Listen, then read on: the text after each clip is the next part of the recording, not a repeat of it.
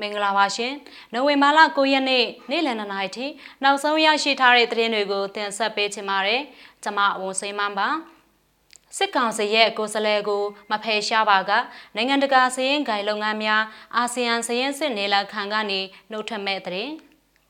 ရန်ကုန်တိုင်းရှိမြို့နယ်၃မြို့နယ်မှရက်ကွက်အုပ်ချုပ်ရေးမှုတွေ9ရက်အတွင်းနှုတ်ထွက်ကြဖို့ MLF တတိပေးစာထုတ်တဲ့တဲ့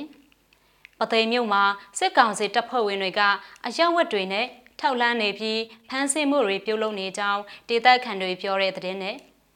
ရေနံသင်သင်းမောတွေအတွက်မဟာဗျူဟာကြတဲ့ရေလန်းချောင်းအနေမှာအီရန်ကအစစ်ရေးလေ့ကျင့်မှုတွေပြုလုပ်တဲ့သတင်းအဆရှိတဲ့သတင်းတွေကိုတင်ဆက်ပေးပါရမယ်ရှင်။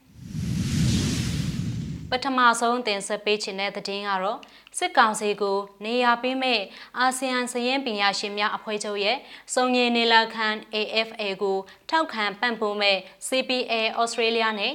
CAANZ တို့ရဲ့အစီအစဉ်ကိုပြည်သူလူထုရဲ့ညှဉ်းညွတ်မှုနဲ့လက်မှတ်ထိုးတောင်းလှုပ်ရှားမှုကနေတဆင့်ရုပ်သိမ်းနိုင်ခဲ့ပြီလို့ Justice for Myanmar JFM ကသတင်းထုတ်ပြန်ထားပါတယ်။ အကြမ်းဖက်စစ်တပ်ဟာကိုလာကြပြီးဖြစ်တဲ့အာဏာသိမ်းမှုနဲ့အတူနိုင်ငံတော်ဝန်ကအယက်သားပြည်သူတွေကိုပြင်းပြင်းထန်ထန်ဖိနှိပ်တိုက်ခိုက်တပ်ဖြတ်ပြီးထောင်ပေါင်းများစွာကိုဖမ်းဆီးထိန်သိမ်းထားတာတွေတူပြီးဆက်လုပ်နေပါတယ်လို့ JFM ကပြောပါတယ်။ဂျပန်၊နယူးဇီလန်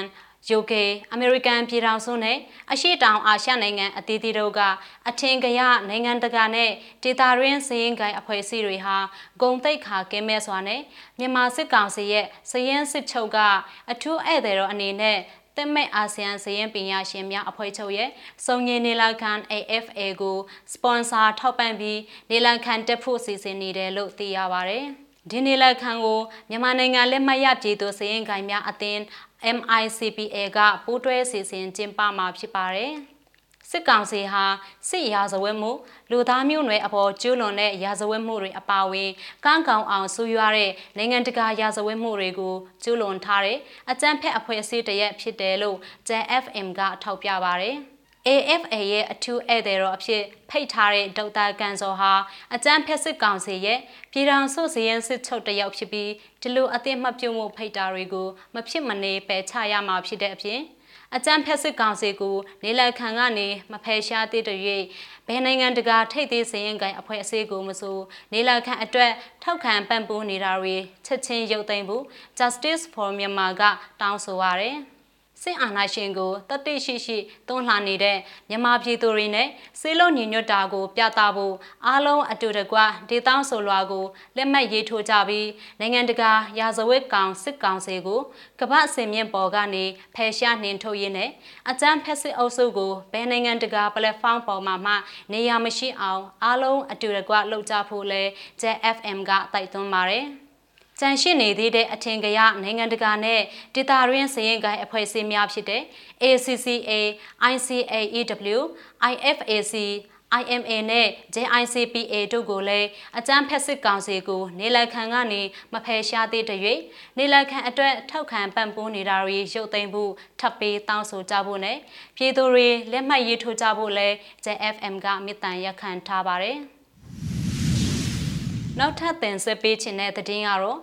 ရန်ကုန်မြို့ရှိမယန်းကုန်းမြို့နယ်အင်းစိန်မြို့နယ်နဲ့လိုင်သာညာမြို့နယ်တို့မှရက်ကွက်အုပ်ချုပ်ရေးမှုတွေအားလုံး9ရက်အတွင်းနှုတ်ထွက်ပြီးပြည်သူနဲ့တသားထဲရက်တည်သွားကြဖို့မြမလွတ်မြို့ရေးတပ်ဖွဲ့ MLF မှဒီကနေ့နိုဝင်ဘာ9ရက်နေ့မှာတတိပေးစာထုတ်ပြန်လိုက်ပါတယ်။တတိပေးမှုကိုမတိကျုံကြုံပြုတ်တဲ့ရက်ကွက်အုပ်ချုပ်ရေးမှုတွေနဲ့ အပေါင်းအပါတွေကိုလည်းပိတ်ခတ်နှိမ်နှင်းသွားဖို့လက်ရွံ့မှာမဟုတ်ကြောင်း MLF ရဲ့ထုတ်ပြန်ချက်မှာပါရှိပါတယ်။အုတ်ထုတ်ရေးမှုတွေကဆန္ဒတွေပြကြတဲ့အချိန်ကလေးကတတိပေးလုပ်ခဲ့ကြတယ်။အခုလိုကျွန်တော်တို့တွေပိတ်ခတ်တိုက်ခိုက်တဲ့အချိန်မှာလဲဒေါ်လာရေးထဲမှာပါဝင်ပတ်သက်ခြင်းမရှိတဲ့လူငယ်တွေကိုသူတို့မဟုတ်မမှန်တည်ပေးလို့ဖမ်းခံခဲ့ရတာတွေရှိတယ်။ ကျွန်တော်တို့ကအခုအနေကစောင့်ကြည့်နေတဲ့ပြည်သူတွေကိုကာကွယ်စောင့်ရှောက်ရမယ့်အစားဒုက္ခတွေရောက်အောင်လုပ်နေတဲ့အတွက်ပြည်သူတစ္ဆာဖို့အနေနဲ့တတ်မှတ်ပြီးနှိမ်နှင်းသွားမှာပါစစ်ကောင်စီရဲ့တကယ်ထောက်တိုင်တွေဖြစ်တဲ့စစ်သားနဲ့ရဲတွေကိုသာ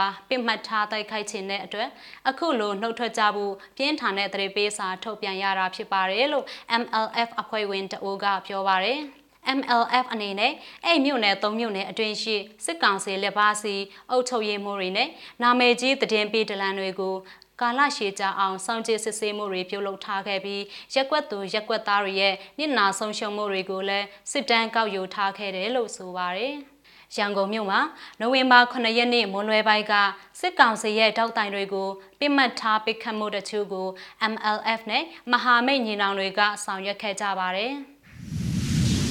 ပသိမ်မျိုးကတည်နဲ့ဆက်ချင်ပါတယ်။အေယာရီတိုင်းပသိမ်မြို့နေရအနက်မှာစစ်ကောင်စီတပ်သားတွေကចောင်းသားပုံစံနဲ့ကွန်မဏီဝန်တန်းပုံစံဝတ်ပြီးတော့ပြည်သူတွေအကြားပြည်စင်စုံစမ်းထောက်လှမ်းနေတာကို တွေ့ရှိလာရတယ်လို့ပသိမ်မြို့ခံတွေစီကသိရပါဗျ။ အဆိုပါစစ်ကောင်စီတပ်သားတွေဟာအသက်20ကနေ30ကြားအရွယ်တွေဖြစ်ကြပြီးအောက်တိုဘာလလလယ်ပိုင်းကနေပြည်သူတွေအကြားရောနှောသွားလာနေတာဖြစ်ကြောင်းဒေသခံတအိုးကပြောပါရယ်။ပသိမ်မှာတခါမှမမြင်ဖိုးတဲ့မျက်နှာစိမ်းတွေမြင်နေရတာမနှဲကြပြီ88တုန်းကလည်းထောက်လန်းရေးကကောင်တွေစစ်တပ်ကကောင်တွေကပြည်သူတွေကြားမှာဈေးတယ်လို့လို့အယူလို့လို့အယောင်တွေဆောင်ပြီးသတင်းထောက်လန်းတာတွေရှိခဲ့ဖို့တဲ့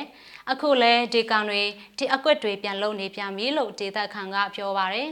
အော်တိုဘာလ22ရက်နေ့ကလည်းပသိမ်မြို့အမှတ်၁ရက်ကွယ်ငဝွန်ကျွန်းသာတစ်လန်းတွင်နေထိုင်တဲ့မြစ်မခသတင်းဌာနရဲ့အကြီးတန်းသတင်းထောက်ဟောင်းကိုမျိုးမင်းထွန်းကိုစစ်ကောင်စီတပ်ဖွဲ့နဲ့ရဲတွေကအရက်ဝတ်တွေနဲ့စောင့်ကြည့်မှုတွေပြုလုပ်ပြီးတော့ညပိုင်းအချိန်မှာဖမ်းဆီးခေါ်ဆောင်သွားကြောင်းဒေသခံတအူးကပြောပါရယ် အခုနောက်ပိုင်းစစ်ကောင်စီကပြည်သူတွေကိုဖမ်းဆီးတဲ့အခါမှာအရက်ဝတ်တွေနဲ့ပဲဖမ်းနာတွေရှိတယ်အရက်ဝတ်တွေနဲ့စောင့်ကြည့်ပြီးညဘက်တွေမှာအိမ်ထဲထိအဝင်ဖမ်းနာပြလို့ပသိမ်ဒေသခံတအူးကပြောပါရယ်ဒါအပြင်ပသိမ်မြို့ပေါ်ရှိရဲသတင်းပေးဒလန်တွေရဲ့နေအိမ်တွေအနေမှာလဲအကြမ်းဖက်စစ်ကောင်စီတပ်သားတွေအရက်ဝတ်တွေနဲ့ကင်းပုံးချထားကြောင်းပသိမ်မြို့ပြပျောက်ကြားအဖွဲ့ဝင်တအိုးကပြောပါရယ်။ ဟိုတနေ့ကရဲသတင်းပေးဒလန်တယောက်ရဲ့အိမ်နာကိုသွားလေလာတာအဲ့ဒလန်အိမ်ကိုမလှမ်းမကန်းဆိုင်တဆိုင်ကနေစောင့်ကြည့်နေတဲ့လူတယောက်ကိုတတိထားမိတယ်ဒလန်ရဲ့အိမ်အနာတဝက်ကိုပဲတောက်လျှောက်ကြည့်နေတာရုပ်ကလည်းစစ်သားရုပ်ပါပဲလို့ PSDF အဖွဲ့ဝင်ကပြောပါတယ် ပသိမ်မြို့နယ်အတွင်းရှိပြည်သူ့ကာကွယ်တပ်ဖွဲ့တွေနဲ့မြို့ပြပျောက်ကြားတပ်ဖွဲ့ဝင်တွေကစစ်ကောင်စီတပ်ဖွဲ့ပိုင်းမိုက်တယ်တာဝါရိုင်ကိုဖောက်ခွဲဖျက်ဆီးတာရဲသတင်းပေးဒလန်တွေကိုရှင်းလင်းတုတ်တင်တဲ့လုပ်ငန်းတွေကိုခက်စိတ်စိတ်ပြုလုပ်လာပြီးနောက်ပိုင်းအခုလိုပြည်သူအယောင်ဆောင်ပြီးရောနှောသွားလာနေတာဖြစ်တယ်လို့ဒေသခံတွေကမှတ်ချက်ပြုထားကြပါတယ်။ နိုင်ငံတကာဘက်မှာတော့ရေနံတင်သင်းဘောတွေအတွက်မဟာဗျူဟာကြတဲ့ရေလန်းချောင်းအနေမှာအီရန်ကစစ်ရေးလေ့ကျင့်မှုတွေပြုလုပ်နေတဲ့နိုင်ငံတကာသတင်းကိုလည်းရှုစားရမှာပါ။အီရန်စစ်တပ်ဟာမကြသေးမီကအမေရိကန်နဲ့စစ်ရေးတင်းမာမှုဖြစ်ပွားခဲ့ရာနိုင်ငံအနောက်တောင်ပိုင်းကဟော်မုတ်ရေလက်ကြားအနီးမှာနိုဝင်ဘာလ9ရက်တနင်္ဂနွေနေ့ကစစ်ရေးလေ့ကျင့်မှုတွေစတင်ပြုလုပ်ခဲ့ပါတယ်။ဟော်မုတ်ရေလက်ကြားနဲ့အိုမန်ပင်လယ်ရဲ့အရှေ့ဘက်အိန္ဒိယသမုဒ္ဒရာရဲ့မြောက်ဘက်က စူယန်မိုင်3,8600ကျော်ကျယ်ဝန်းတဲ့ဒီဒေသတစ်ဝိုက်မှာအစ္စလာမစ်အီရန်သမ္မတနိုင်ငံစစ်တပ်ကစီးရေးလေ့ကျင့်မှုတွေစတင်ပြုလုပ်ခဲ့ပါတယ်လို့နိုင်ငံပိုင်ရုပ်သံကကြေညာခဲ့ပါတယ်။ရုပ်သံသတင်းမှာရဟတ်ယာဉ်တွေ drone တွေသင်္ဘောတွေရှက်ပြေးယာဉ်တွေပါဝင်တဲ့စီးရေးလေ့ကျင့်မှုကိုထုတ်လွှင့်ပေးခဲ့ပါတယ်။အခုစီးရေးလေ့ကျင့်မှုဟာအီရန်ပေါ်မကောင်းတဲ့ရည်ရွယ်ချက်တွေထားရှိသူတွေနဲ့ ကျွန်တော်တို့ရဲ့ရန်သူတွေကိုပြင်းပြင်းထန်ထန်သတိပေးလိုက်ခြင်းဖြစ်ပါတယ်လို့စီရေးနဲ့ပတ်သက်ပြီးပြောရေးဆိုခွင့်ရှိသူရေတပ်ဗိုလ်ချုပ်ကြီးမာမွတ်မူဆာဘီရဲ့အဆိုကိုကိုးကားပြီး